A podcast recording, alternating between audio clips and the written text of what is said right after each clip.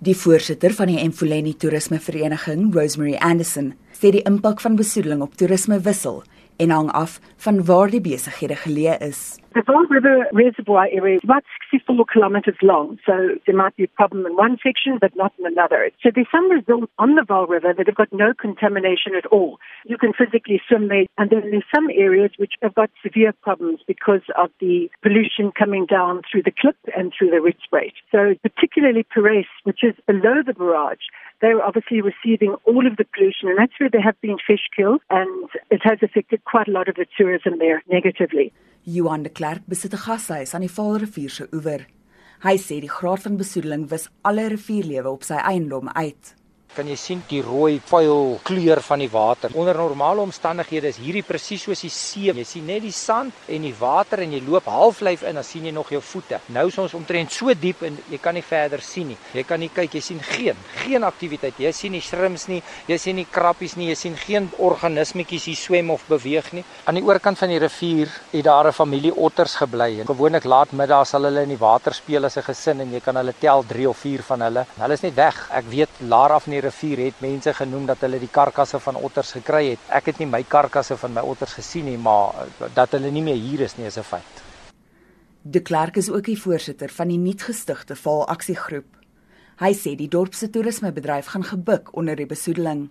Daar's baie mense dat hulle bestaan is ook uit die rivier uit, het sy of dit ekotourisme is of een of vorm van ontspanning of 'n vakansieoord, ewen ons wat op die gastehuis is. Mense sal jou bel en vra as dit nog veilig kan ons rivier toe kom en mense kanselleer, blaatant. Hulle sal jou bel en sê ons wil nie die risiko's vat, die gesondheidsrisiko's wat daarmee gepaard gaan nie. So, dis baie ernstige afmetings.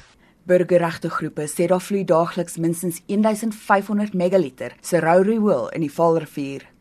'n inwoner van Parys, Saul de Jager, sê dit het verwoestende gevolge, nie net vir die plaaslike inwoners nie, maar ook vir toeriste.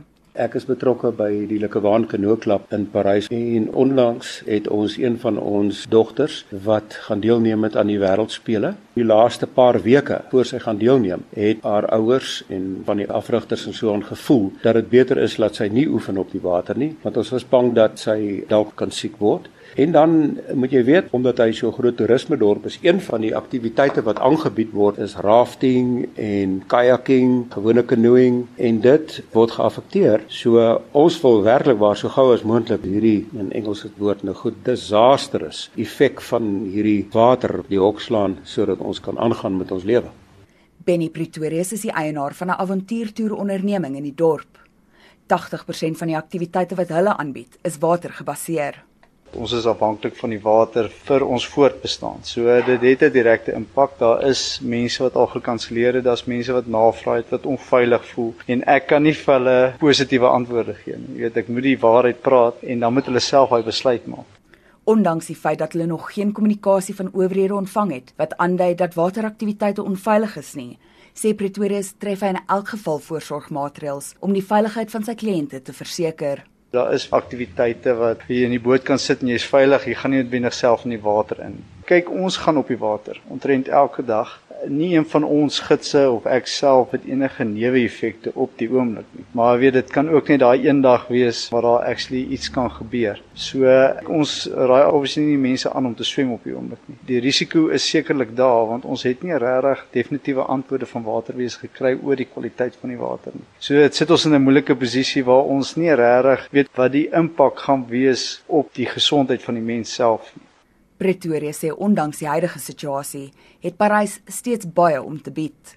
Die Voorvier is 'n baie mooi rivier en dit is mooi dat dit so deur die dorpie loop en dit is lekker om nog steeds al langs om te sit. Ons doen alles in ons vermoë dat jy nog steeds van oud tot jonk kan bring en nog steeds 'n naweek kan spandeer soos dit mense al vir jare doen. Uh, so ek wil nog steeds die toeriste uitnooi dat hulle nie voel dat hulle nie meer 'n naweekie kan spandeer nie.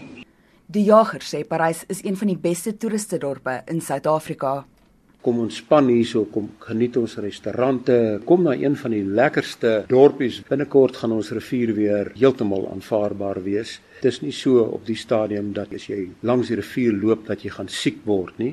Die water was al vroeër jare ook vuil geweest en ons het ook visvregters gehad, maar dit sal weer regkom. Mense moet net bewus gemaak word van hierdie ding en ons sal die saak uitsort. Dit was inwoner van Parys, Saul de Jager.